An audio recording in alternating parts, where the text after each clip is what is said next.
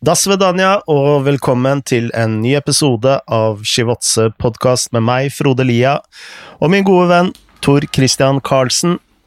Hei, Tor Christian. Hei, Frode Lia. God dag.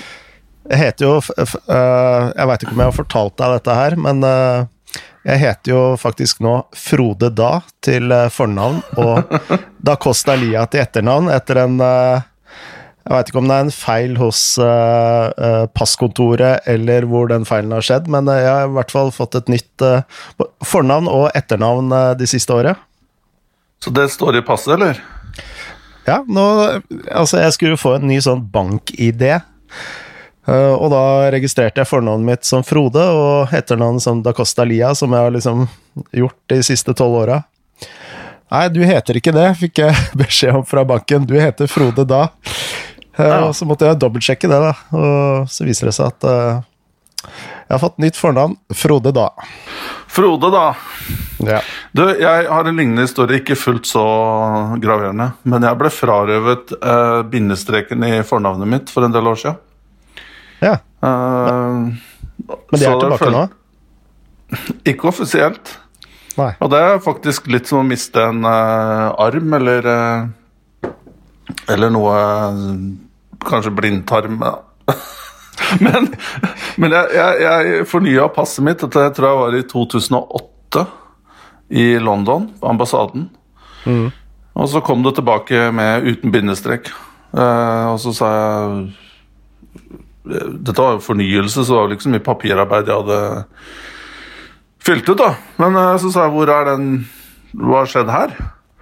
Nei, det kunne ikke de, det kunne ikke de gjøre noe med, så det måtte jeg bare liksom Fikk ikke noen mm. retningslinjer på hvordan, hvordan, det skulle løses. Så til en dag i dag så er den, bort, den bindestreken som, eh, som, jeg ble holdt på å si døpt med, selv om jeg ikke har døpt, um, den er borte. Men um, det finnes sikkert større problemer, og, og, og, og, jeg har hatt større problemer å bekymre meg over opp igjennom, så det får man jo bare leve med. Ja. Jeg er litt usikker på den blindtarmsammenligningen din, eh, Tor Christian. har, du tatt, har du tatt blindtarmen og kan fortelle hvordan det er? Nei, jeg har ikke gjort det. Eh, men kanskje noe som er mer alvorlig, det var jo at dette passet blei avhenta av min eh, kone. Og da Costa, det, jo, det navnet kom jo egentlig fra min ekskone. Så når vi gifta oss, så skulle jeg jo egentlig bytte navn tilbake til Frode Lia. Og jeg er litt usikker på hvorfor jeg ikke har fått til det, men jeg har i hvert fall ikke fått det til. Så når eh, kona mi ser åpne passet mitt med min ekskones navn der fortsatt, så blei den togturen fra, fra, Oslo ned til Berlin den ble litt lenger enn det det burde ha vært. Hvis jeg kjenner deg rett, så er det vel jåleri at du kan ha latinske navnet i passet der. Det ser litt, ser litt kult ut. da. Får noen ja. ekstra blikk av damer, eh, sånne tolle eller eh, Ja, i passkontrollen og sånn, og det, det booster egoet ditt, det. Eh, vi har jo fått en del eh, spørsmål til eh, podkasten, men eh, før vi gjør løs på det, så Det er jo kommet en del nyheter i både nasjonal og internasjonal fotball, men jeg tenkte å kanskje starte med med en sak som jeg ser du har diskutert litt på Twitter òg, og det var en eh, VG VG-sak med tittelen 'Eksperter med dyster melding til eh, norsk fotball'. Lite realistisk, med seriestart før neste vår. Eh, og dette går jo veldig sånn på tvers av hva som skjer i resten av Europa. Nå vet vi at tyskere skal jo starte allerede den 9. mai. Eh, det kom nye saker i dag om at eh, svenskene også kommer til å mest sannsynlig starte i eh, mai. Så hva er det denne saken e-, egentlig går ut på? Um, nei, altså jeg reagerte bare litt på fremstillingen her. Fordi, som du sier, at det ble veldig lagt liten vekt på um, På de på en måte fotball eh, spesifikke utviklingene rundt om i Europa, som du akkurat nevnte. Mm. Eh, og at det ikke, var, eh, det, det ikke var nevnt med et ord i, i, den saken, og at man kun hadde snakka med eksperter her i Norge som uh, tydeligvis heller ikke hadde ja, i det hele tatt noen, noe forhold til dette spørsmålet i andre land. Noe som mm. må, etter mitt syn, i hvert fall være ganske grunnleggende å, å se på. Mm. Uh, men uh, det er jo klart, når alt kommer til alt, så er det jo norske myndigheter og, og de uh, rådene de får fra sine eksperter, som godt kan være de menneskene som ble konsultert i den VG-saken, som tar beslutningen for Norge. Det er jo, det er jo uten tvil. Um, men jeg bare syns det ble veldig sånn uh, skremselspropagandaaktig, i og med at man ikke nevnte her at faktisk flere andre land var i ferd med å prøve å gjennomføre sesongene. Mm. Eller i hvert fall har satt i gang prosesser som skal lede opp til det. Ja, fordi eh, særlig i Tyskland så har du jo en del sånn tiltak på, på plass som gjør det altså mer nærliggende til å tro at uh, hvis man hadde gjort noe av det samme her i Norge, at uh, det ville fungert. Blant annet så skal de ha uh, sikre, sikre kamparenaer, dvs. Si at flere kamper går på færre stadioner, som blir desinfisert etter hver eneste kamp. Uh, de kommer til å teste alle spillerne jevnlig. Eh, så det er en del sånne tiltak som gjør at eh, det virker tryggere å starte, da. Og, og det, hvis man først skriver en sånn sak om at serien kommer til å utsettes til neste vår, så må man jo også ta høyde for løsninger som fotballen selv også kommer med. Ellers så er det jo blir jo en helt sånn nyhetssak eh, fåfengt, eh, tenker jeg.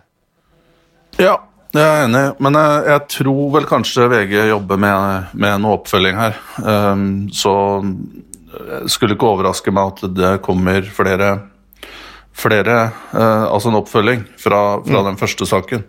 Men um, på generell basis er det klart at dette her blir jo en sånn trial and error-prosess utover. Mm. Uh, utover året. Det blir det i fotball, og det blir det også generelt. Uh, at man Ingen har jo vært med på det her før, verken de smarteste eksperter eller enkle fotballfolk som oss. Uh, så hele løpet her blir jo, blir jo å prøve seg fram, og så hender det noen ganger at man må ta to skritt fram og kanskje ett eller to-tre tilbake. Fordi mm. det er jo klart både i Tyskland og, og, andre steder så er det jo eh, visst Vi vet jo ikke hva som skjer om noen uker. Vi vet ikke hva slags effekt påsken har hatt på spredning. Vi vet ikke hva slags effekt disse liksom oppløsende tiltak eh, opp, eh, Altså det at det liberaliseres litt rundt nå, hvordan vil det ha eh, innvirkning? Og det er jo klart at Hvis tallene blir stygge igjen, så må man jo bare stoppe fotballen igjen. og Det, det er jo ingen tvil om. Mm. Sånn som jeg forstår det, eh, og har fra kontakter i, i Europa, så er det jo spesielt eh, i, i, Tyskland så er det jo spesielt Uefa som presser for å få sesongen avvikla, fullført sånn at de skal komme i rute med europacupene fra, fra begynnelsen av august. Uh, okay. og, spesielt, og, spesielt da Tyskland og mm, Frankrike har jo blitt satt under press til å på en måte ta en ledende rolle og, og i, den, uh, i, i, i, den ideen om å fullføre, da.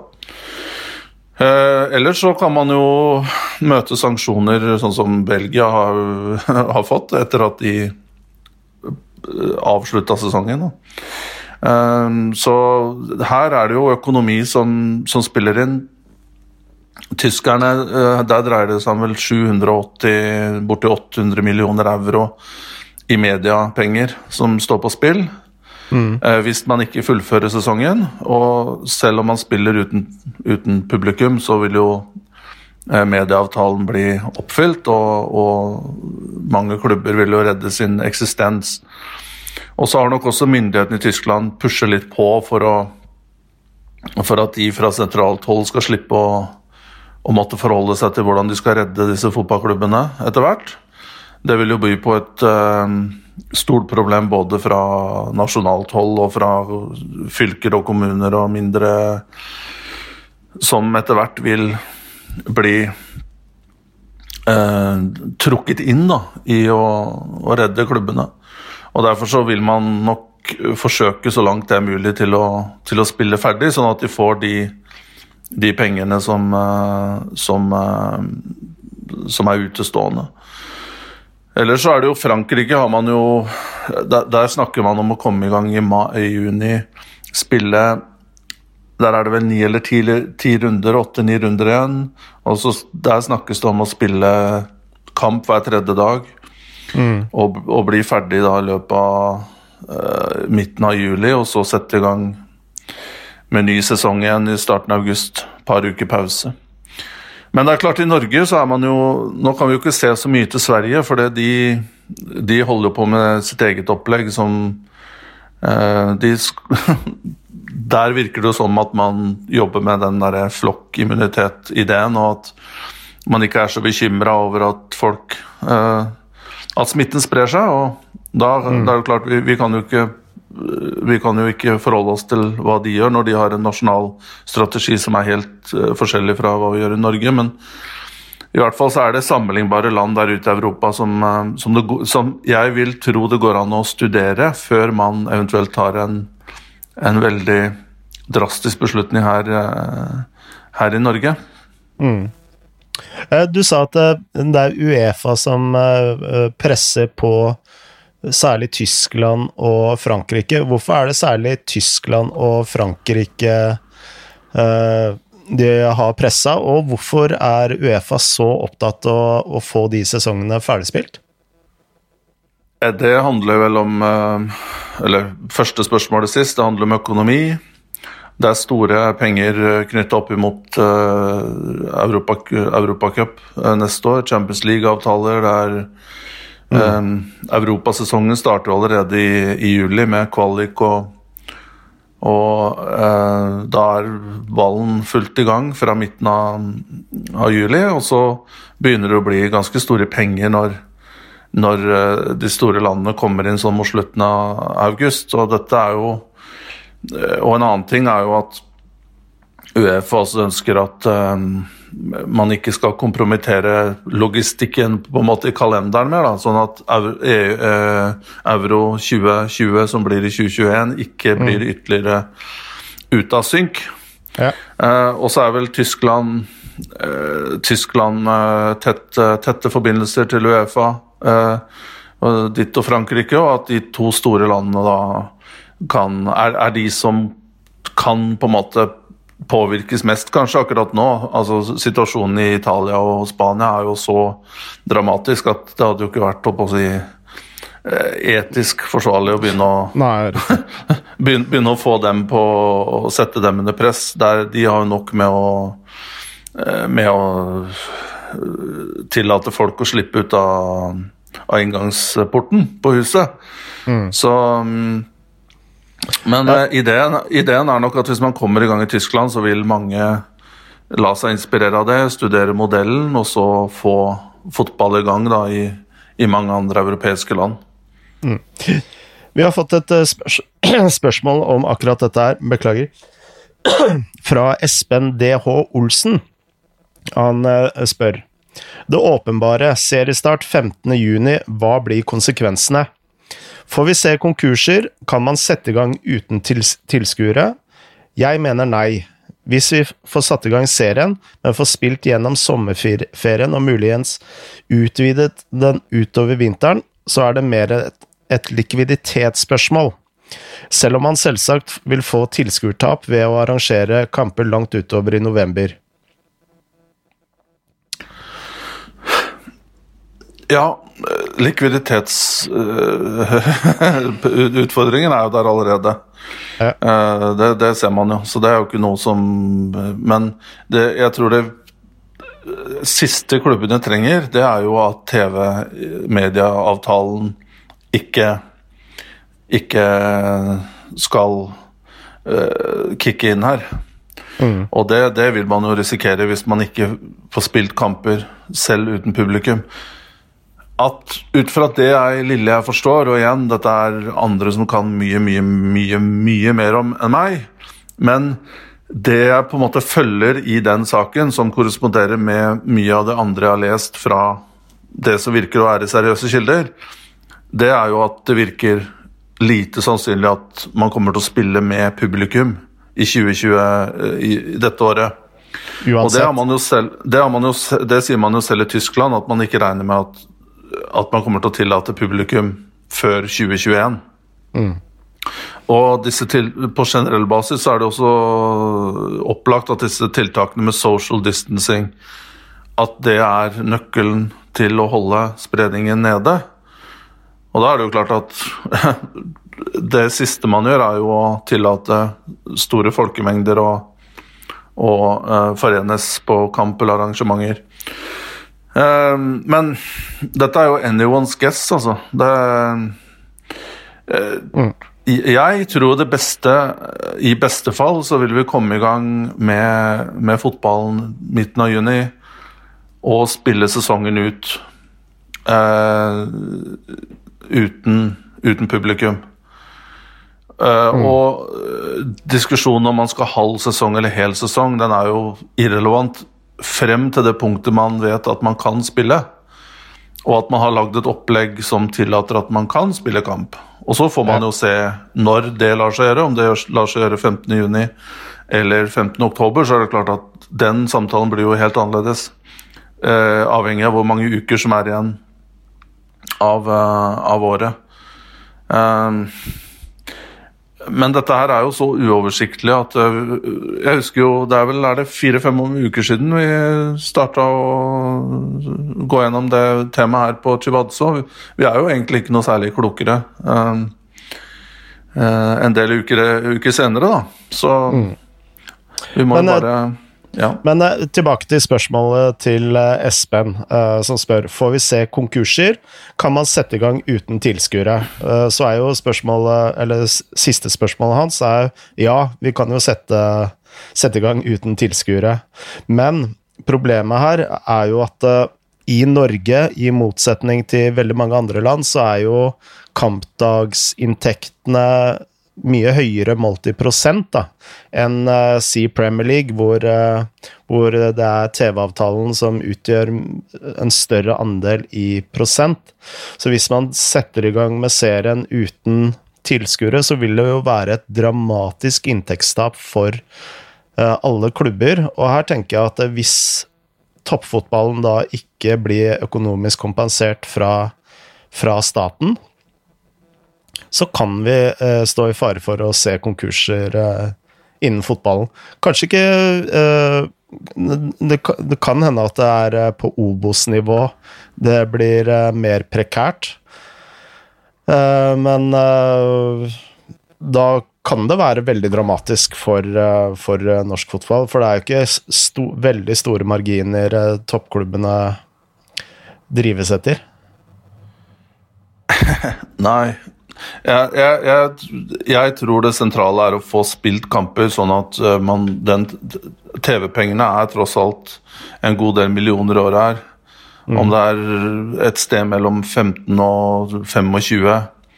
Det er store penger for klubber som har budsjettet på fra 30 og opp til 80. Uh, eh, og så er kanskje Rosenborg litt over det, men det er klart, det å få få sikra de inntektene er jo, er jo viktige. Eh, matchday revenue, kampdaginntekter, tror jeg faktisk i Norge er ikke Nå har ikke sittet som daglig leder i, i klubber i Norge, så jeg har ikke liksom den totale oversikten over akkurat fordelingen her, men eh, største, de største inntektene får du på salg av sesongkort, som skjer litt i rykk og napp etter sesongen, før jul utover vinteren. Og så er det kanskje et rush sånn like før um, like før uh, sesongen starter, og så er det mange som kommer etter faktisk etter første kampen for å se hvordan det Hvis, hvis man gjør det bra i kamp igjen på hjemmebane så, eller bortebane, så kjøper man sesongkort. Um, så en del av klubbene har vel kanskje fått solgt de, de, sesongkortene. Så er jo spørsmålet hva gjør man med dem? Må de refunderes? Kan man dra de over til neste sesong? Uh, er supporterne villige til å si fra seg uh, de, de, pengene de har uh, lagt ut da, til sesongkort? Er de villige til å si opp dem for å støtte klubben? Eh, så jeg, jeg, tror ikke matchday revenues, i hvert fall ikke for den jevne klubb. Eh, når du teller med sesongkort Uh, hvor mange billetter selger man da til, til respektive hjemmekampene? Det, det, er jo ikke så Det er ikke store antallet. Og så er det jo pølser og litt brus og parkering og, og, andre ting. Men i tillegg så ligger det jo også noe utgifter her med vakthold og, og, og ting som skal, som skal betales. Da. Og kanskje stadionleie som er basert på tilskuertall og alt mulig sånt. Så jeg, jeg, jeg, tror ikke, jeg, tror det viktigste er at man får, får eh, spilt kamper. Um, om deres uten publikum, og jeg tror ut fra de initiativene som jeg også har sett, som klubbene har satt i gang, utrolig kreativt. Jeg så IFK Göteborg hadde et uh, prosjekt nå hvor de forsøker å selge ut en treningskamp på, på, på Nya Ullevi. Eh, jeg tror målet var å selge borti 60 000 billetter, og de hadde vel solgt allerede 15-20. Ja. Eh, virtuelle billetter, da. Mm. Uh, og det er jo mange klubber som uh, ja, i forskjellige land da, som har holdt på med samme initiativer. Jeg kan jo forestille meg at, at klubber her i Norge kan gjøre noe samme rundt TV-kamper. Um, mm. og, og, og, dra inn. At folk på en måte vipser for den burgeren man skulle kjøpt, vipser for en uh, cola og vipser for parkering eller whatever. Så det, jeg tror faktisk det kan ligge, ligge, en del penger i det, men for meg så er det viktigste at man, at man får kommet i gang. Jeg selv har jeg kjøpt billett, uh, virtuell billett for å se Grorud.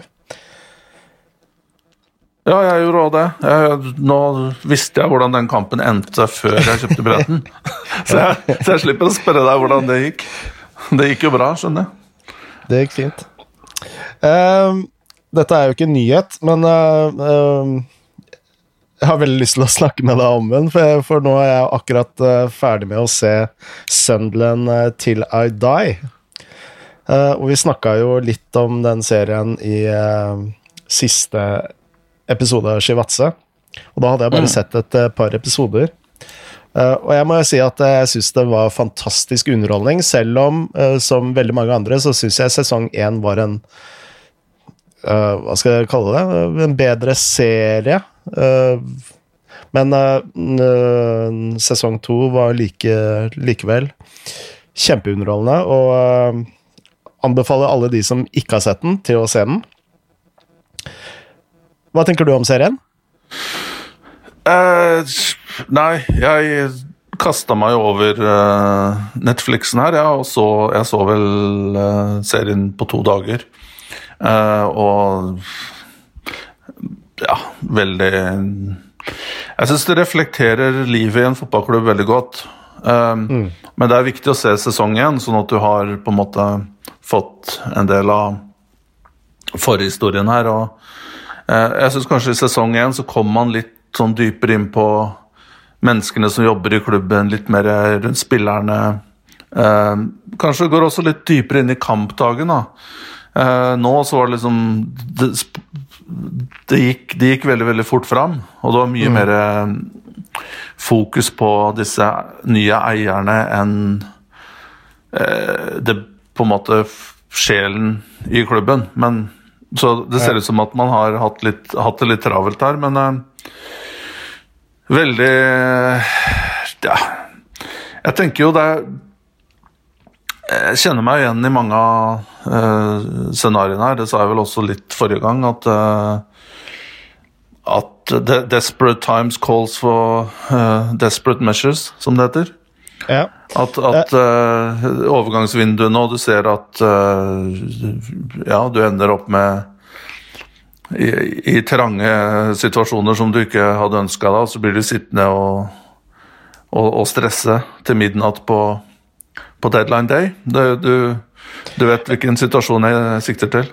Ja, fordi det var en av mine favorittserier i uh, hele, hele se serien, hvor Stuart Donald uh, sier at han uh, maks bare 1,5 GBP, som var taket hans for å hente Hente Gary Winks. Will Grigg. Will, Will Grigg, mener jeg. Will Grigg.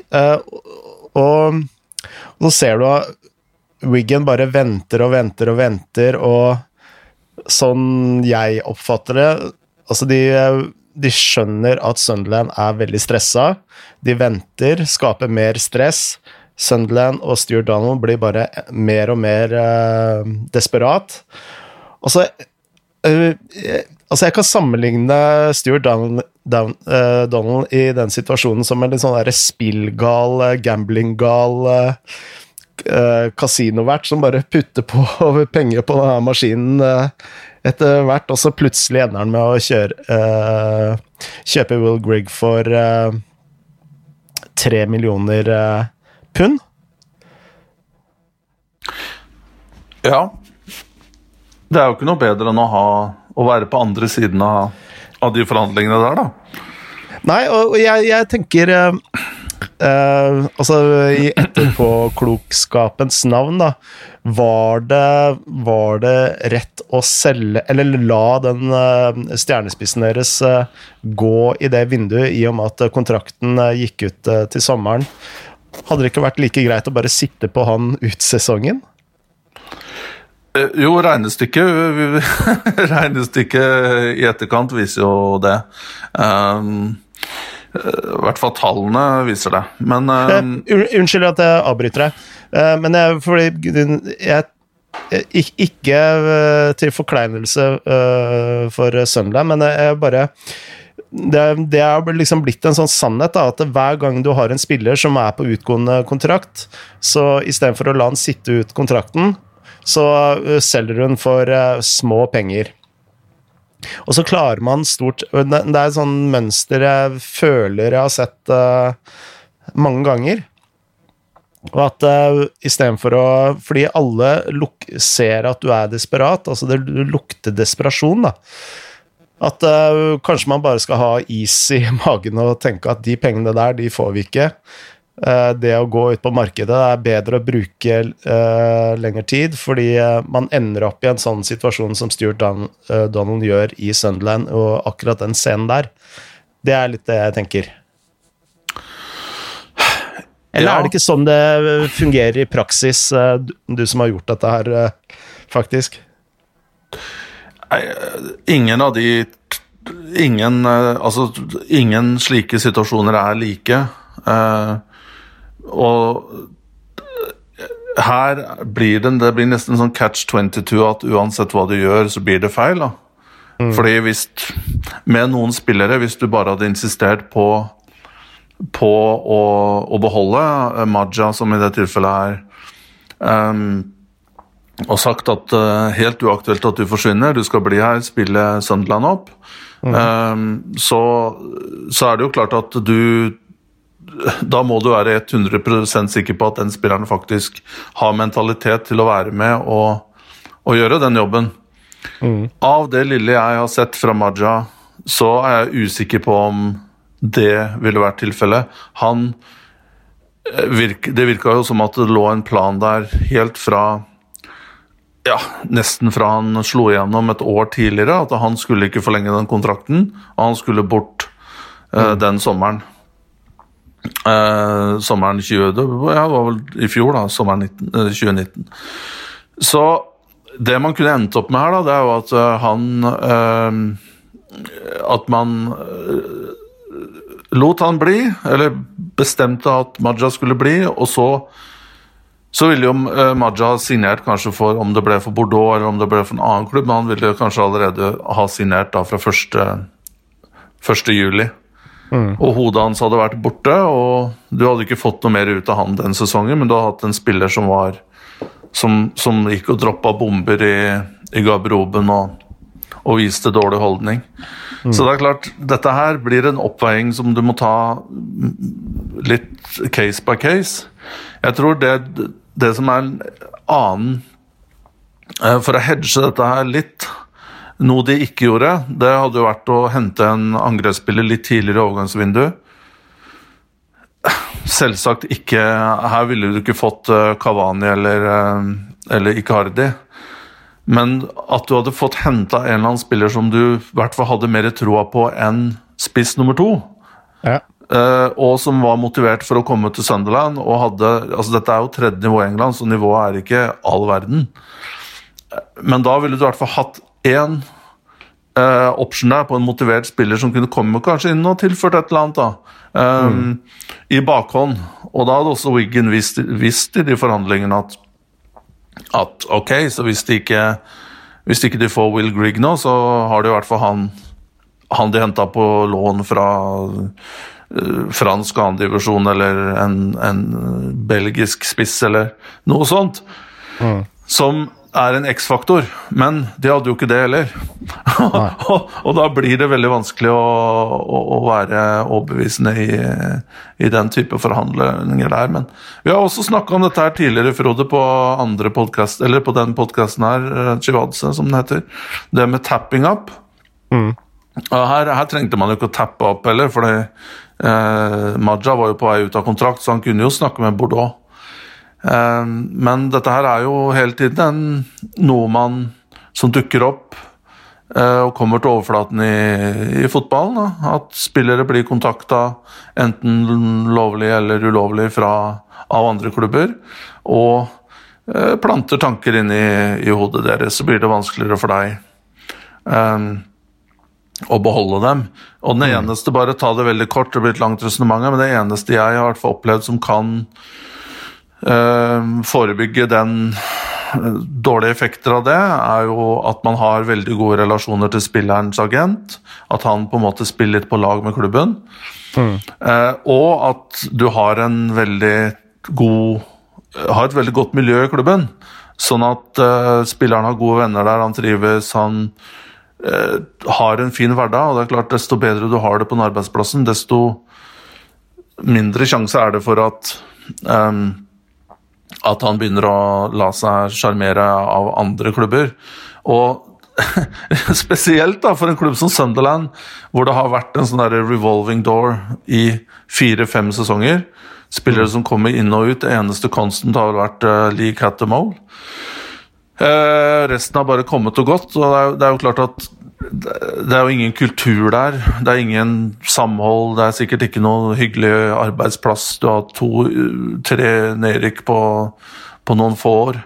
Så det er klart Da er det ekstremt tøft å, å holde på, på, på sine beste spillere.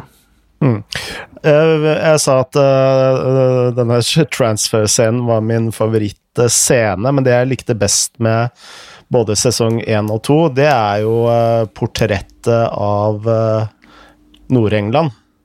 Uh, ja, for meg så kjenner jeg til England gjennom London, og, og det vi får se av Nord-England, er jo utrolig dystert. Altså, jeg veit at du har jo vært uh, mye oppe i uh, Nord-England. Eh, altså, kan du gi en uh, liten sånn kopp, kort oppsummering? Hvordan er det egentlig? Altså, er det så stusslig som det ser ut til? Korte svaret er ja, og kanskje verre. Nå er jo Nå er det en ganske fin del av England, nordøst, da, hvis du regner med Yorkshire-kysten der, og helt opp mot eh, Helt opp mot Newcastle og selv forbi mot Skottland. Du har Berwick, som er et veldig, veldig fint sted. Og innover i landet så er det jo veldig pittoresk og vakkert, men det bærer jo veldig preg av um, nedlagt industri, alle disse skipsverftene som er lagt ned og, og flytta. Og, eh, metall, eh, stålindustri er borte. Og ja, siden Thatcher-tiden så har det på en måte bare gått én vei med den, den delen av, av England som kanskje er det minst privilegerte. Og, og jeg tror det er vanskelig for oss som som, ja, som reiser stort sett til, eh, til London. Eh, og selv når man kommer til Manchester, så ser man jo allerede på flyplassen, den mye omtalte Manchester Airport, at eh, ting er mye stussligere der enn det er i London. London er på en måte en, sin eget land i landet. Mm. Eh, men når man kommer da enda lenger nord, så er det jo enda mer fattig. Og, og man ser også at det er investert så utrolig lite eh, de siste 20-30 årene. Uh, infrastruktur er dårlig, skoler, helsevesen, alt sånne ting. Og det er, jo, det er jo noe som man virkelig får smake på nå, da, under disse uh, koronatider. Men hvis, hvis, noen har lyst til å se uh, virkelig grim, mørk sosialrealisme fra nordøst-England, så vil jeg anbefale å se en film som heter 'Sorry We Missed You'. den gikk på kino i Norge sånn på senhøsten, litt før jul. Og da jeg Eh, etter jeg har sett den filmen, så var det som å få bli slått i, i sola plexus med et balltre med spiker på. Mm. Eh, det er noe av det mest forferdelige. Det handler om familie. Moren er hjelpepleier, eh, og faren er sånn Leverer pakker, da. Og hvordan Og der får man et innblikk i hvordan ærlige eh, hardt arbeidende mennesker. Hvordan man Det er nesten helt umulig å komme seg ut av en karusell med gjeld, eh, fattigdom, alkoholisme.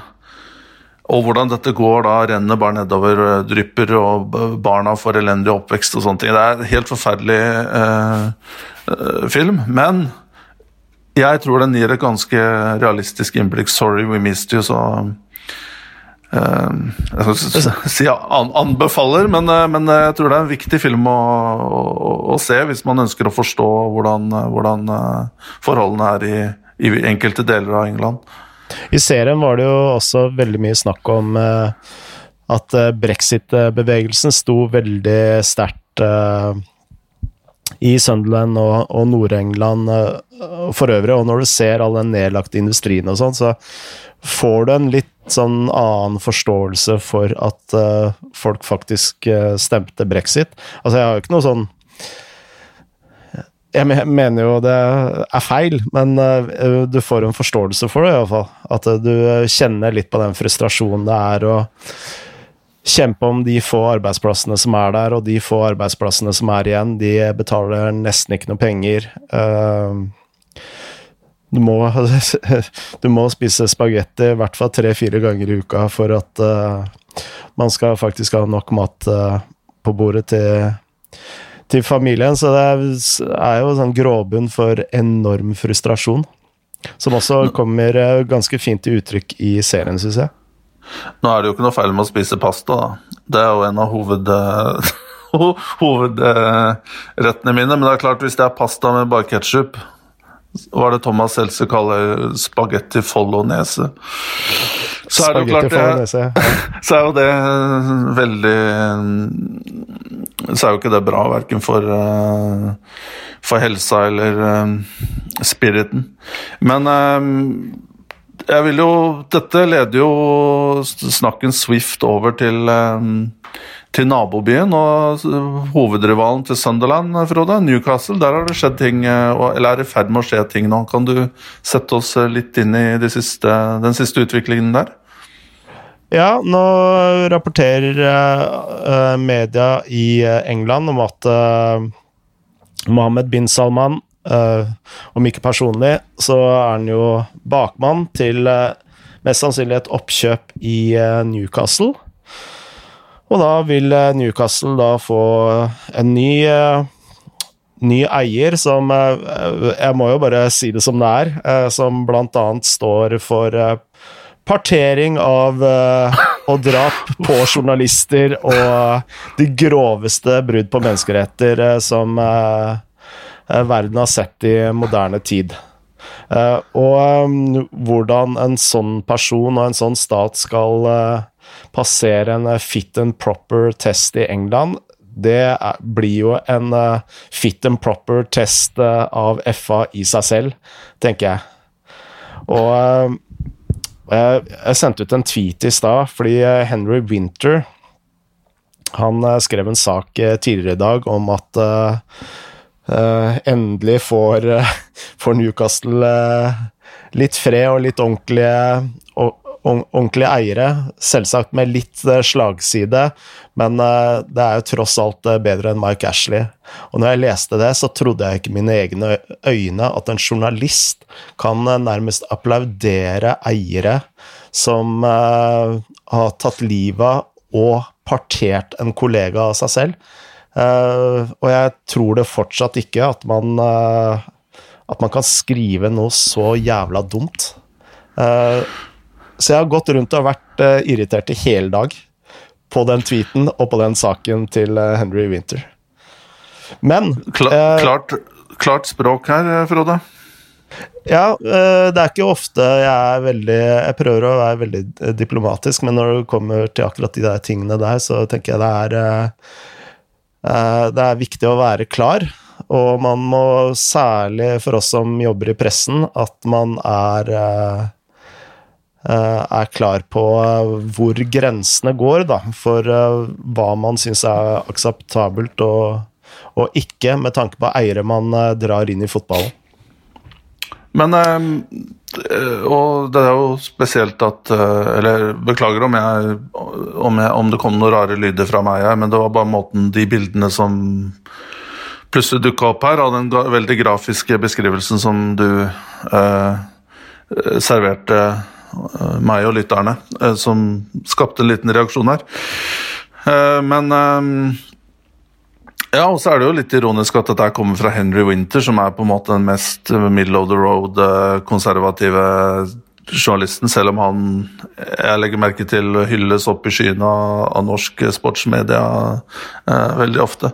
Men han, han, har jo nesten aldri hatt en mening i hele, hele sin eh, journalistiske karriere. Det er liksom bare å, å gå ja, bare... med det mest ja, bare gå med det mest populære Vox Populi og prøve å, å, å melde det mest eh, erke-Middle England, uh, koselige standpunktene. Men, mm. men det, det, sier vel litt om hvor upopulær Mike Ashley kanskje er, da. Eh, når til og med disse saudiaraberne, som du beskriver på en ganske brutal måte her, blir ønska velkommen? Ja, nei, han er jo er, er om mulig den dårligste eieren i Premier League. Det er jo ingen tvil om. Eh, men eh, på et eller annet tidspunkt da, så må du også sette en slags uh, moralsk strek. Og heller en forferdelig eier enn en eier som går på tvers av alt. Og da mener jeg absolutt alt av menneskerettigheter. Og jeg tror at hadde jeg vært Newcastle-supporter, Newcastle så hadde jeg slått opp. Den dagen eh, Saudi kommer inn i klubben min, så da hadde jeg slått opp. Hadde de tatt over Ipswich, så hadde det, hadde det forholdet vært over. Uh, jeg, det, tror, det, jeg, har bare lyst til å komme med et par observasjoner her før vi går videre. Mm.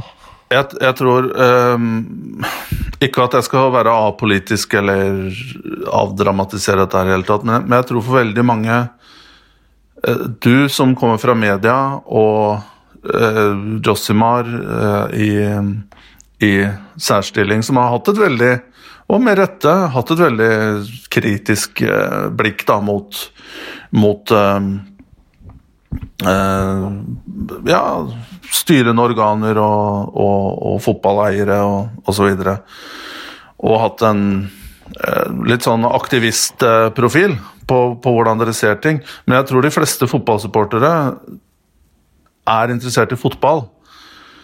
Uh, og jeg tror veldig mange blir på en måte slitne av å måtte forholde seg til mange andre, alle disse tingene som skjer rundt.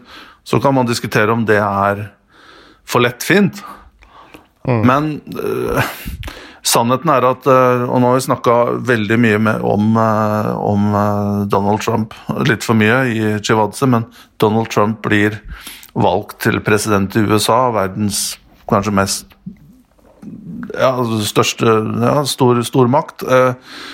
Boris Johnson, som er en populist av samme kaliber som Donald Trump, blir valgt i Storbritannia. Og det, og det, ting, det tyder jo på at folk liksom det er ikke det moralske kompasset nødvendigvis som er uh, tuna best, da.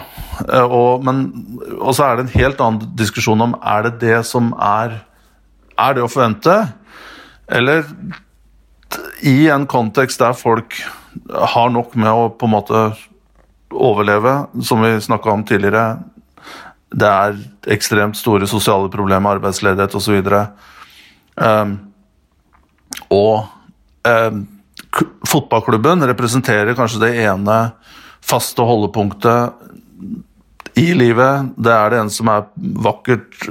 Du har med minner fra vakre dager med faren din som tok deg med som, som femåring. og Det er liksom en konstant da, som du har hatt nesten bor i deg. En del av sjelen din, hvis jeg kan være veldig pretensiøs.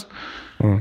Og, da, og, da, tror jeg det er vurderingen vurdering liksom Aktivistspiriten, den hos mennesker som i utgangspunktet ikke er politisk interessert, da, så det, tror jeg det er ganske lett å forstå at de, de ser på dette her som en, en gladnyhet. Men det, det, unnskylder jo ikke Henry Winter. Nå snakker jeg om de vanlige supporterne. Og så er det andre spørsmålet mitt, det er et konkret eh, spørsmål. Eh, er f.eks. av dette Sovereign Wealth Fund fra eh, Saudi-Arabia, som det er snakk om her, har de eh, anledning til f.eks. å investere i, i, i, i, andre ting? Altså I Norge f.eks. kunne de ha fått muligheten til å, til å kjøpe norsk eh, Hydro eller eh, handle inn i store norske selskap på eiersiden kunne Eller ville de vært forhindra? Altså er det eh, Hvis svaret på det er ja, at de har lov til det? Er det sånn at fotballen skal operere med sine egne etiske koder? da? Hvorfor skal fotballen være ikke kunne tiltrekke seg eh, investeringer på lik linje med andre eh, selskap? Ja, svaret på det, det er jo at uh, Saudi er jo på full fart inn i norske selskap. Uh, dette fondet har jo akkurat nå kjøpt seg kraftig opp i Equinor, f.eks. Ja. Uh, så uh, Og det er et uh, valid argument, men Hovedårsaken til at man investerer i Equinor, det er jo penger. Altså, det er en fornuftig investering. årsaken stort sett uh, årsaken til at man investerer i fotball for slike stater, det er jo det man kaller sportsvasking. Det er å va vaske ryktet sitt. Uh, så motivene er uh, for det første helt annerledes. Og da må også fotballen være bevisst hvorfor disse eierne kommer inn i fotballen. Og da hviler et om ikke et ansvar på supporterne, i hvert fall styre, styrende organer i uh, fotballen, at man uh, forhindrer at sånt, uh, sånt, skjer. Fordi fotballen skal jo representere noe annet enn ren business. Det skal også representere, i hvert fall fra et norsk ståsted, men det skal jo det skal jo symbolisere altså likeverd, frihet osv som er sånn grunnpiralene i, eh, i Fifas eh, statutter, eh, ironisk nok. Og da tenker jeg at fotballen er igjen, og idretten for øvrig, og jeg tenker ikke bare på fotballen, men også siden den olympiske bevegelsen, at det, du, du plikter nærmest da å, å, å ha en fit and proper-test som på de som du ønsker å dra med deg inn i fotballen. Og det er jo derfor um, FA også har en sånn type fit and proper-test. Det handler jo ikke bare om uh, økonomi, det handler også om å bevare og forsvare fotballens uh, renommé og uh, utvikling. Og jeg tror at det, det momentet fotballen blir liksom overøst med med eiere som ønsker å liksom uh, vaske sitt rykte, da. Altså, de vil at uh, de forbinder Saudi-Arabia med, med, Newcastle United, og ikke parteringen av Kashoggi. Khashoggi. Uh, da blir det veldig problematisk for, for fotballen. så svaret på spørsmålet ditt ja, det hviler ekstra ansvar på idretten I motsetning til uh, vanlige uh, hva skal vi si, kommersielle selskaper. Jeg syns det er veldig problematisk når det begynner å liksom skal second-guesse motivene til, til, de som investerer. At man går de opp i sømmene og på en måte Eh, studerer hva har dere vært involvert i her, hva er dere, hva er dere dømt for? Eh, liksom, at man ser på track recorden også med tanke på andre tidligere investeringer. og nå snakker jeg om fit and proper test, og der har man jo feila totalt i, i, i, i England og Premier League og også lavere ned i divisjonene, hvor man har latt mennesker som har um, som har uh, ja, for det første ikke mulighet til å finansiere de prosjektene de tar på seg. Og for det andre så har de også en track record på det. Og da er det jo veldig spesielt at man får lov å, å være med. Men, men jeg, jeg syns allikevel at det er veldig sånn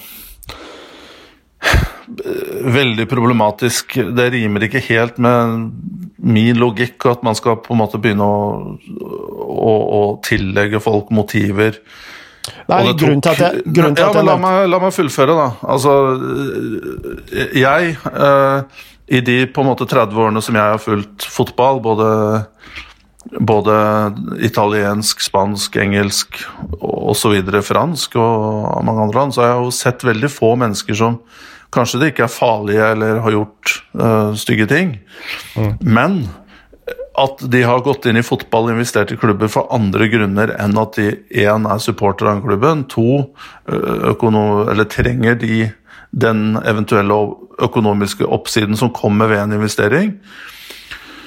De, de er det få Altså, selv Mike Ashley var jo sannsynligvis Jeg husker jo begynnelsen av da han tok over Newcastle, så var det jo Eh, et vanity project, og det ga han et innpass i det, i, i det offentlige liv um, som han aldri hadde fått uten, uten eierskap i, i, den klubben. Og det samme gjelder jo, gjelder jo de fleste andre som går inn i fotball. De er der for å bli sett og for å gi dem en, en eksponering som de ikke får på andre, andre områder.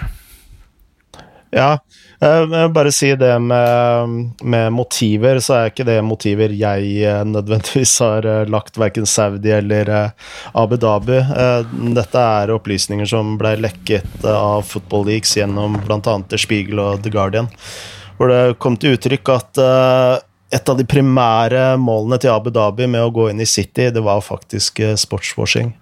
Uh, ja, men det skiller ikke det, og, det, og, det, er fair. Og det er akkurat det samme som dere har snakka om på fotballfortellinger. Det samme Roman Abramovic da han gikk inn i, i, Chelsea. Og hele den, de 20 årene hvor han har på en måte gått fra å være en, en skal vi si, politisk uh,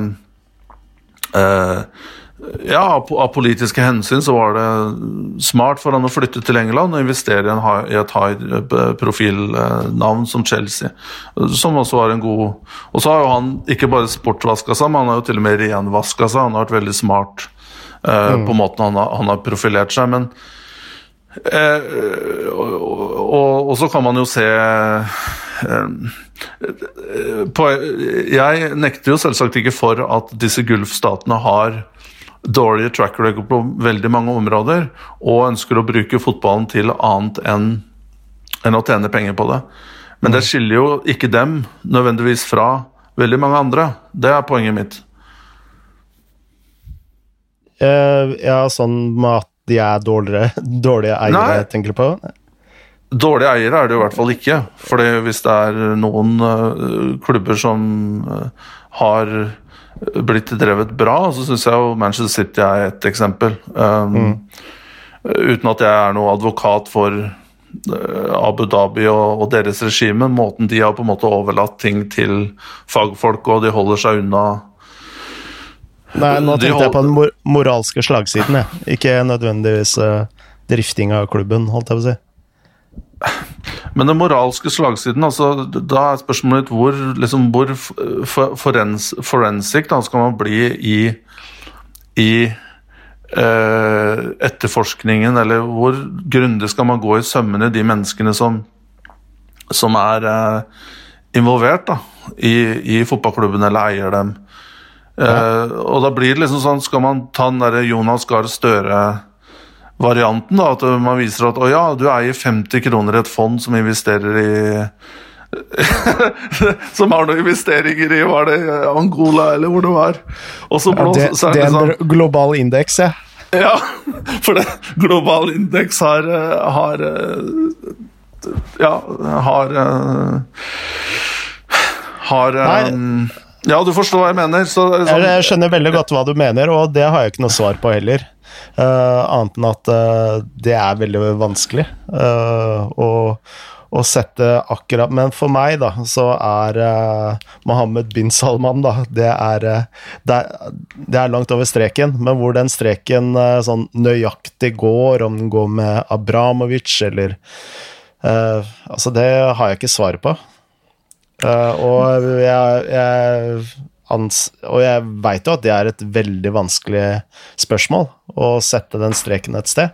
Og hvordan man skal gjøre det i, eh, i praksis, har jeg heller ikke noe godt svar på.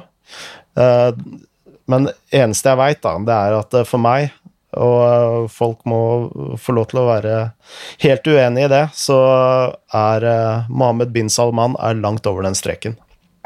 Men hvor eh, Men du skal jo ikke bruke hele uh, Chivadze på det her, men hvor eh, Og nå dette stiller jeg spørsmål fra kommer fra riktig sted, altså jeg prøver ikke å røre i gryta her. Men hvor aktivt er Mohammed bin Salman? Ok, jeg forstår at dette her bidder her, men Newcastle blir jo selvsagt assosiert veldig tett med Saudi-Arabia, og det har det allerede blitt, og det kommer det til å fortsette å gjøre.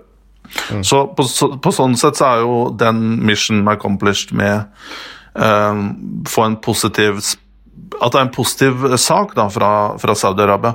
Men hvor eh, nært skal man på en måte knytte eh, Skal man da knytte eh, MBS eh, spesifikt opp imot det fondet sine disposisjoner. Jeg tenker litt på det, med de kineserne også som har Dette kan vel dere en del om, som har lest dere opp eh, og, og studert eh, eiere og, og sånne ting gjennom fotballfortellinger.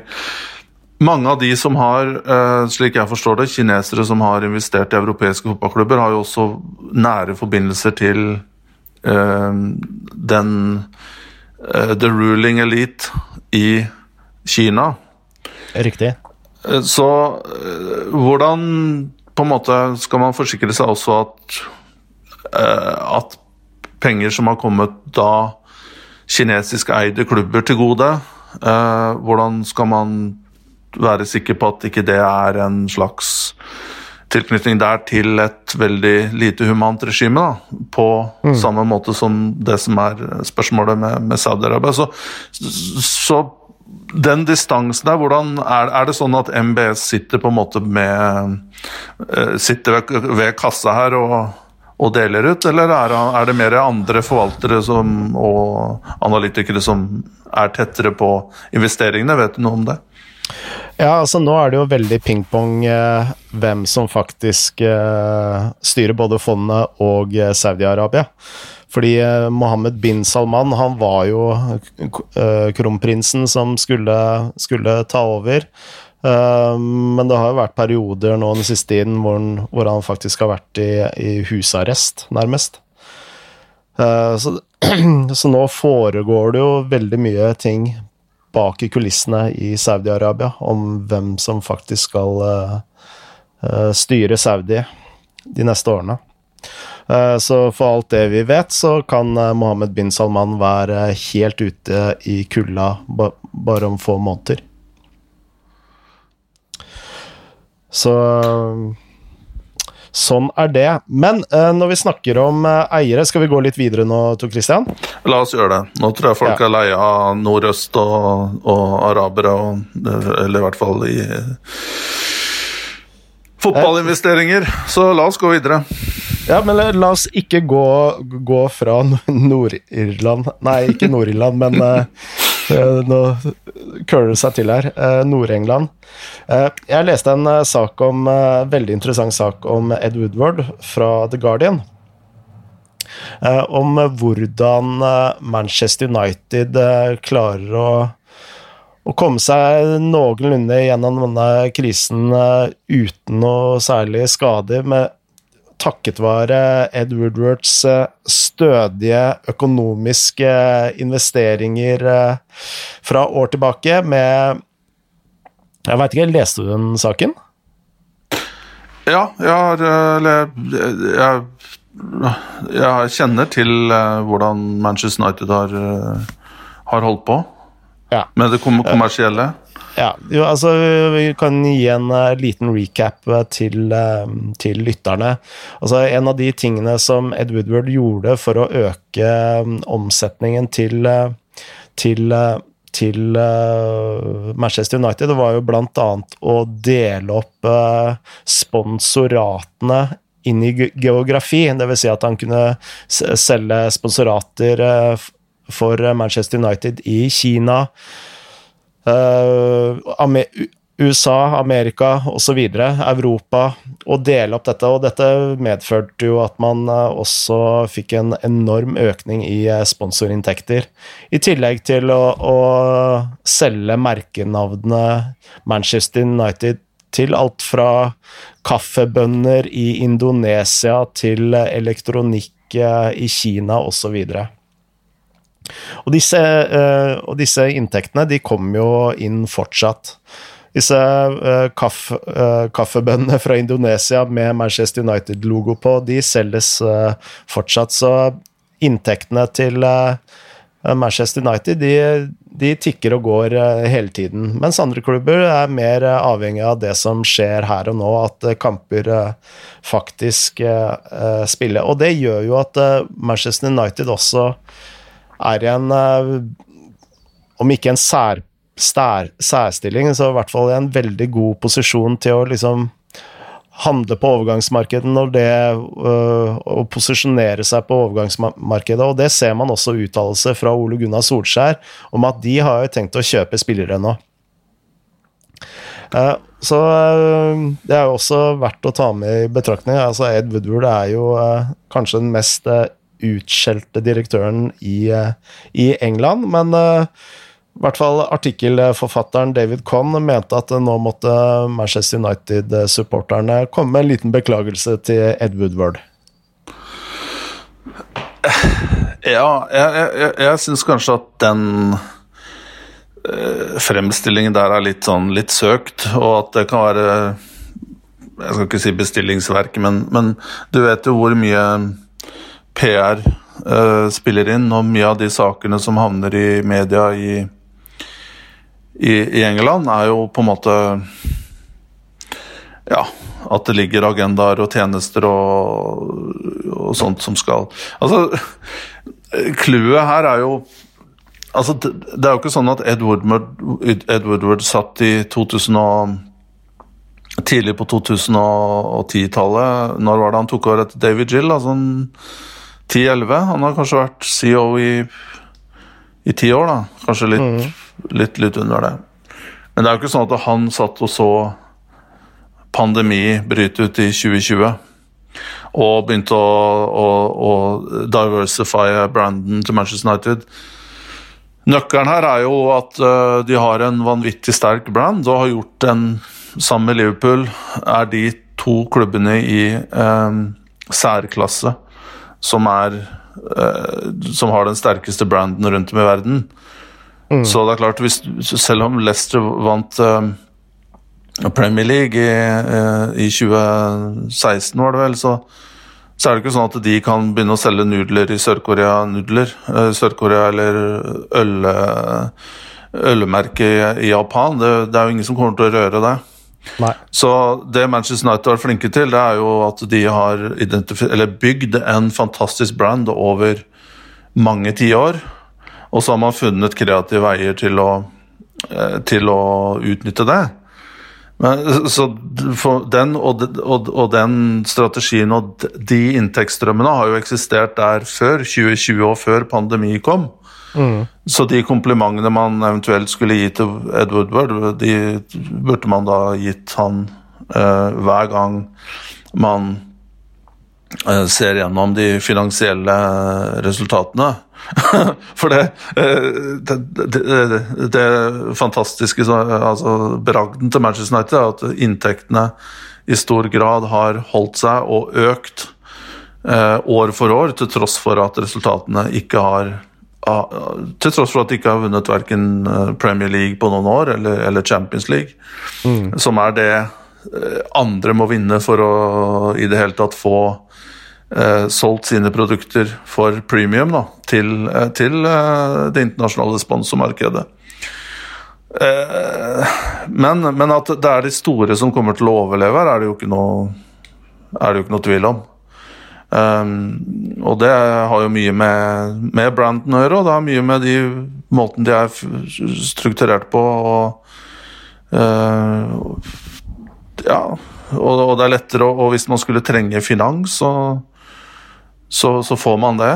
Um, bridge financing, man får det enkelt fordi man er kredittverdig. Mm. Og så, sånn er det jo i fotballen som i, det, i, i, i næringslivet generelt, at, at uh, de, det er vanskeligere for de mindre. Og, og, de store har jo også solide eiere bak seg som har råd til å ja, og til og med har kanskje budsjettert noen contingencies på at man kan overleve et år eller to med dårlige tider.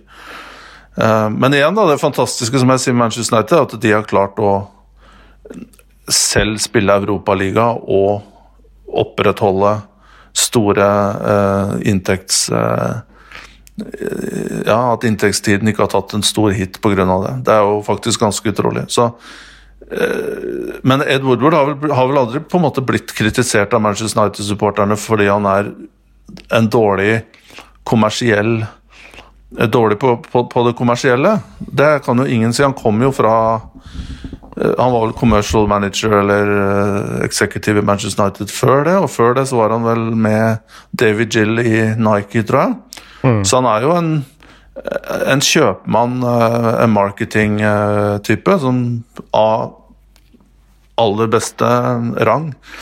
Men Absolutt. det er vel en del av de ansettelsene og prioriteringene og at han har vært Han blir også blir ansett som en slags puppet for Glazers, da. Mm.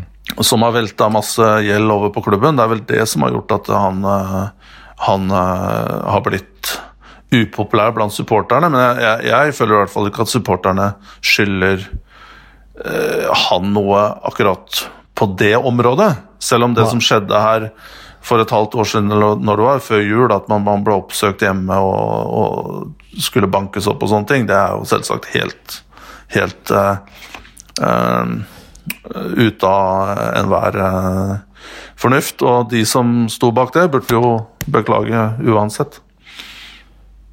Ja, og særlig, særlig, med tanke på dette som går på spillerekruttering, har jo blitt massivt kritisert kritisert for, og med rette. Én ting jeg, jeg uh, har tenkt litt på, uh, som er kanskje litt uh, på sida her, med tanke på Ed Woodward, og det er sånn Mennesker som er veldig, veldig gode på én ting, de, de tar med seg på en måte den selvtilliten inn i andre områder, da. Og han er jo han er jo åpenbart en flink uh, Hva kaller man det, den delen av ja, da. Ja, ja, god forretningsmann, men åpenbart ikke like god god sportsdirektør, da, for å si det sånn. Og det er kanskje litt av det samme med uh, Stuart Do uh, Donald i Sunderland til I Die-filmen. Åpenbart en god forretningsmann, men uh, han blei ble jo fullstendig spilt ut i det overgangs, uh, overgangsvinduet. Og det var kanskje litt av suksessen til Manchester United før The Glazers kom inn. Det var at uh, Gill og Ferguson de hadde så klare arbeidsoppgaver og ansvarsområder. Du ville jo aldri se Gill begynne å, å blande seg inn i, i spillerekruttering, uh, rekrutteringsbiten, eksempel. Nei, men jeg, jeg, jeg, vet i hvert fall ikke hvor heavy um, godeste Woodward er direkte involvert i de spørsmålene. Og man skal ikke alltid ta det som kommer ut i media for god fisk heller. Jeg har inntrykk av at eh, Ed Woodward er mer en facilitator, en som på en måte starter prosesser, eh, er et bindeledd mellom styre og sport. Og eh, jeg kan ikke forestille meg at han hever stemmen i et strategimøte der man skal snakke om, om, om rekruttering og politikk av Jeg ser han komme med noen sånne generelle kommentarer nå om var det, var det en Manchester United-spiller skulle være arrogant og ydmyk? Det var noe sånt. ja. Men det er klart, som Akkurat som Gary Neville, med andre ord. ja, faktisk. Han har litt av begge deler. Men det kan jo Jeg tror sånn generelt så er det jo veldig eksplosivt at folk som kommer fra noe annet enn fotball, går i dress, snakker et annet språk Altså Da mener jeg ikke øh, at han snakker fransk og ikke engelsk, men snakker på en annen måte. da. Bruker en annen sjargong enn det man gjør i fotball. De blir veldig uglesett og jeg vil si hata uh, i mange settinger i fotballen. For det er slags, et slags format da, som uh, supportere og media ønsker å dyrke. Mm. Og det er helst skal du være en uh, I hvert fall i England. Helst skal du være en tidligere spiller, du skal helst være fra nord i England, det hjelper, selv om Harry Rednap var fra sør. Eh, du skal gjerne komme fra liksom Du skal gjerne snakke romantisk om fotball, om at du savner lukten av gresset og, og uh, alt mulig sånne ting. Og så skal du i tillegg Uh, gjerne gå med en sånn derre flat cap, uh, hva heter sixpence, da. Sixpence, ja. Så det er liksom de, de, Fotballen vil ha de gutta der, mens de som kommer fra andre andre retninger innenfor Eller om de kommer fra næringsliv eller forretninger, de, de blir jo man er skeptiske til dem, og kanskje med rette. Når det gjelder Stuart Donald, så syns jeg jo det eh, store feilen han gjorde, var jo å på en måte diskutere altfor mye fotball offentlig. Blant annet var jeg invitert til en sånn supporterprat, om det var en podkast eller eh, radiostasjon i, i Søndeland, hvor, hvor Will Grieg-signaturen da ble, ble Eller det kjøpet ble satt under lupen. og og det ble stilt spørsmål om hvorvidt han passa inn i stilen til Søndeland osv. Og, og så begynte jo Stuart Donlop svare på de spørsmålene. Som eier uh, chairman av en fotballklubb, så skal du holde deg 100% unna sånne, sånne saker. Det er jo I deres system så er det jo hovedtrener, manager Jack Ross som skulle svart på det spørsmålet der. Men jeg tror det er fristende, fordi Uh, lang rant uh, er snart over, men jeg tror det er veldig fristende, fordi fotball er Selv om du kommer fra noe annet, da, at du er en forretningsmann eller noe sånt, så får du Gir fotballen deg anledning til å snakke om noe som er mye mer spennende enn balance sheets eller budsjetter eller eller, eller, selv, eller selv kommersielle ting, da, som egentlig er ganske forutsigbare og kjedelige. Men fotball er jo Eh, selv om du jobber i andre avdelinger enn sport, så er det jo klart at det er fotballen som gjerne ha dratt deg inn til klubben. Og du er veldig interessert i fotball, så du føler også at du har en viss legitimitet med tanke på å uttale deg om det. Og da er det jo også noen ganger vanskelig å, å stoppe, da. og det, det, har jeg opplevd øh, veldig mange ganger. Uh, og du ser i noen land så tipper du over, f.eks. Italia, hvor presidentene liksom kan sitte i timevis. De kan jo de kan jo snakke om, uh, som nesten som romerske keisere, så snakker de om fotball. altså Bare se Berlusconi. Da han, da han var på sitt villeste, så ville jo han ha lange briefinger i, i, i, i timevis. Mm. Mens man liksom bare eh, hovedtrener var man bare interessert i noen få minutter før og etter kamp. så det er det mest ekstreme eksempelet. Ja, og fotball, eh, og det skal vi også være glad for, fotball er jo en sånn ting som alle kan diskutere med alle hele tiden. Og når man da plutselig kommer i en situasjon uh, som en eier, da, at man ikke bør eller kan diskutere det, så uh, kan jeg forstå at man brenner inne med mye. Jeg tror de som er skum, skumlest, da, det, er, eller det viktigste her, det er at hvis du er CEO eller den personen som på en måte har linken til styret eller eierne, så er det viktig at du gir tillit til de rundt deg. Eller under deg, da, om du ønsker deg en top down eller hvordan det er. Men de rundt deg, la oss si manager, sportslig leder, sportsdirektør, kall det hva du vil, teknisk direktør. At de menneskene, at du gir dem tillit, og at de føler seg trygge. Det skumleste, eh, og som jeg har også opplevd, det er at de menneskene på toppen som kanskje ikke er fra fotball, begynner å lytte til andre. Og det kan være agenter, det kan være kompiser eh, som Det kan være eks-spillere, det kan være alt mulig mennesker som får en stemme og kan på en måte få øret til, til den viktigste personen i klubben. Og så kommer eh, kommer eieren ned til treneren med et par sånne småkommentarer. 'Du skal ikke spille han uh, istedenfor han', osv. Og, og så begynner usikkerheten til treneren å gjøre seg gjeldende, og så kommer han inn i en eh, dans med dårlige avgjørelser. Jeg veit ikke om du har noe erfaring med akkurat dette her, men dette er sånne ting som en spilletropp lukter med én en eneste gang, vil jeg tro. Ja, ja, absolutt. Absolutt. Og kanskje ikke sånn intellektuelt at alle spillerne oppfatter det eller reflekterer så mye over det, men de, opp, men de kjenner det og kan se det på atmosfæren at oi, nå dukka han opp, nå ble stemningen helt annerledes her. Mm. Eh, ok, så det er han eller, eller, hun da, for den saks skyld som bestemmer her, ikke, ikke treneren vår. Der tror jeg de sterke Det tror jeg skiller de sterke fra på en måte de mer usikre klubbene, da. Og de suksessrike fra de eh, mindre mindre vellykkede, holdt jeg på å si, klubbene. At, mm.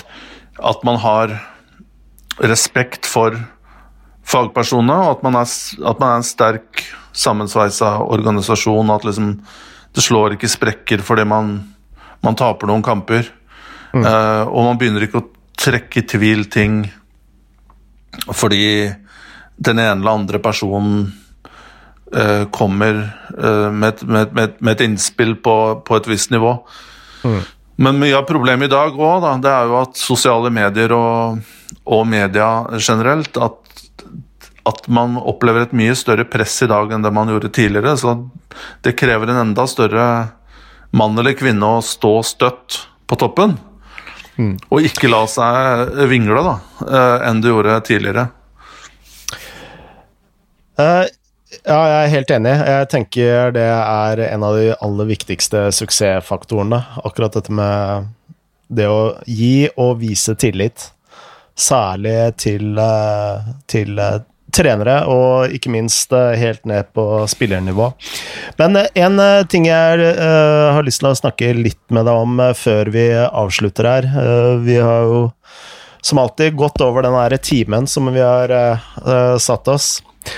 Men Og da må jeg faktisk tilbake til, til disse Saudi Hvis Saudi da går inn i Newcastle Altså, nå forventer vi jo oss et uh, overgangsvindu eller to eller tre som uh, mest sannsynlig vil være ganske magre, uh, med tanke på at veldig mange klubber har nå gått uten inntekter.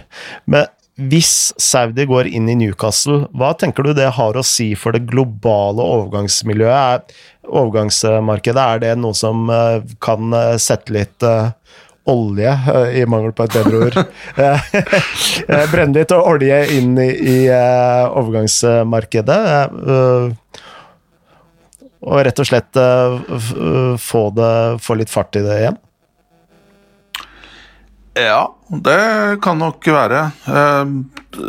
Abramovic var jo pådriver til det etter, etter Bossmann på en måte perioden overgangsmarkedet var, var litt i fart i det slutten på 90-tallet, begynnelsen av 2000-tallet.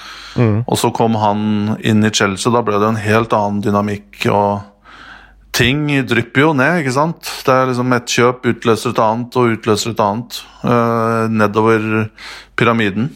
Mm. Så det er jo sånne ting som også kan falle falle positivt for uh, norske klubber. At uh, ja, Newcastle begynner å kjøpe spillere fra Frankrike, og så kjøper en fransk klubb spiller fra Danmark, og så kjøper danskeklubben en, en spiller fra Norge, da. Så det, akkurat den stimulien der er nok reell og, og, og, kan være bra for å få fotballen opp av opp, av, opp og gå igjen. Men er, samtidig, da, når det er sagt, så er det jo kanskje ikke så, så, så, er det vel kanskje også gode argumenter for å, for å si at det er greit at, at man faktisk får et, en anledning her til å justere ting litt. Mm. Uh, og at pandemien som jeg, vi, vi, forsøker å komme oss gjennom her nå, at den, et resultat kan være at fotballen uh, kommer ned på et litt annet At spillelønninger går ned, at overgangssummer går ned. Fotballen blir jo ikke noe dårligere. Dette er jo på en måte et zero sum game. Da. Altså hvis alle er, og alle er jo eh, og, og, særlig hvis man da også kan implementere noen slags FFP-ish retningslinjer her, sånn at det ikke blir mulig for Newcastle å gå inn og bruke 500 millioner pund på et overgangsvindu, mens de andre må liksom ha fem ja. eller ti. Det blir jo ikke rettferdig, og slik det er, det er jo heller ikke bra for fotballen. Så noe Eh, guidelines eh, og nye retningslinjer fra eh, ligaer og kanskje også fra Uefa og Fifa-hold, må nok til her i det lange løp. men jeg tror nok at det er sunt for fotballen at vi tar det ned litt. Mm. Spillelønningene er Altså, de fleste klubbene har hvor mye da? En sunn klubb har kanskje 65-70% av hele budsjettet, eller in, uh, revenue, da, går til spillelønninger. Og det er på en måte en sunn, et, en sunn klubb. Og så har du disse spesielt i championship i England som holder på 120% 100, altså 150 For hvert pund så er det en, eh, et pund 50 som går til spillelønninger. Mm. Og det derre racet for hele tiden å komme Få pengene inn i, i, i Premier League i honningkrukka. Det er jo ikke sunt, når man ser på økonomien da utenfor Premier League, og for så vidt også i norsk fotball. Uh, så, så, så, her er det ikke så mye å gå på når det gjelder lønninger. Da. De er allerede, vil jeg påstå, på et minimumsnivå. Eh, og alternativet her i Norge er nok da semiprofesjonell fotball. Jeg tror også, selv om 98% av lytterne kommer til å være uenig i dette her, og det respekterer jeg, men jeg tror også det kan være etter hvert riktig tidspunkt for å diskutere og stramme inn, eh, trimme Eliteserien og Obos da til 12, kanskje første gang 14 lag, og så 12.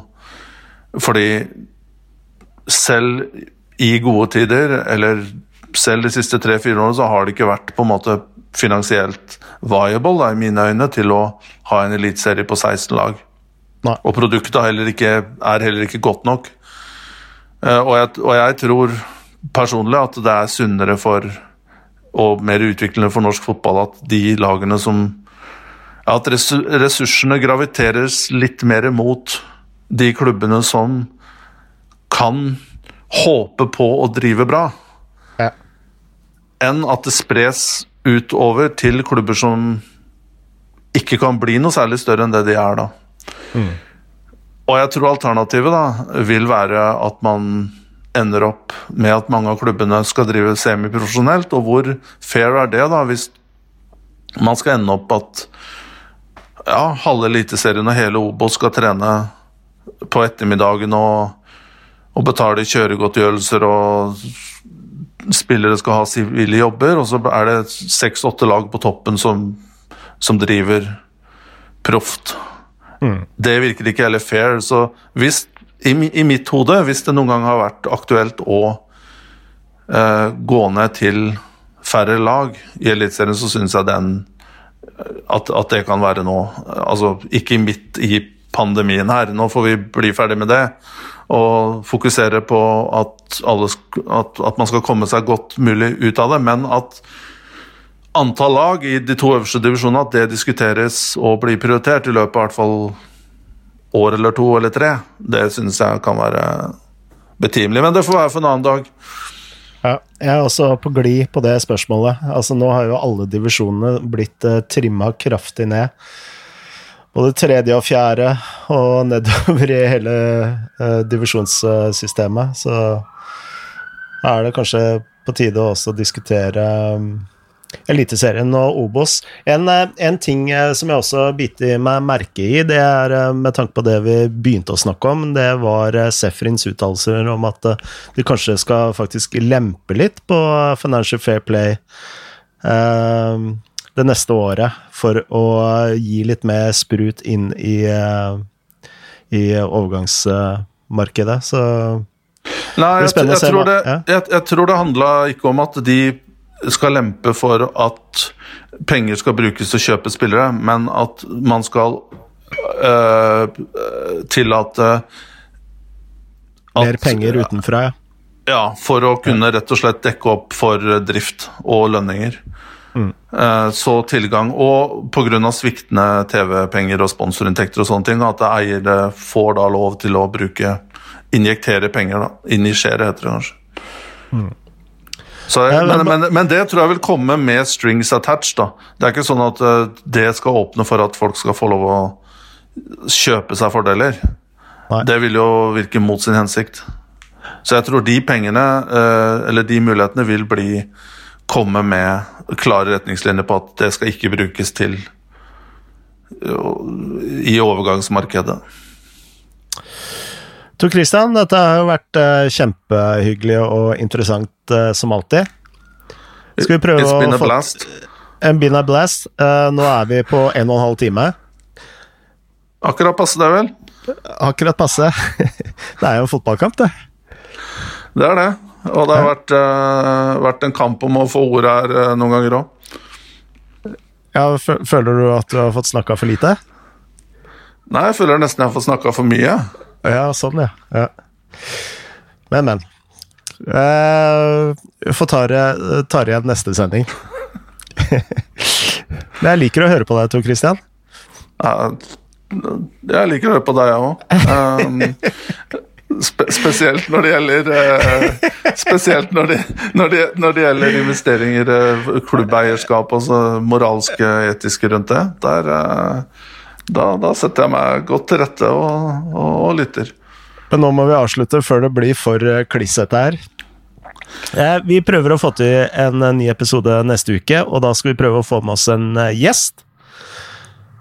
Er vi enige om det? Ja, vi skal i hvert fall gjøre et forsøk. Ja. Da sier vi som vi alltid sier, das vadania og eh, adjø. Moderne media.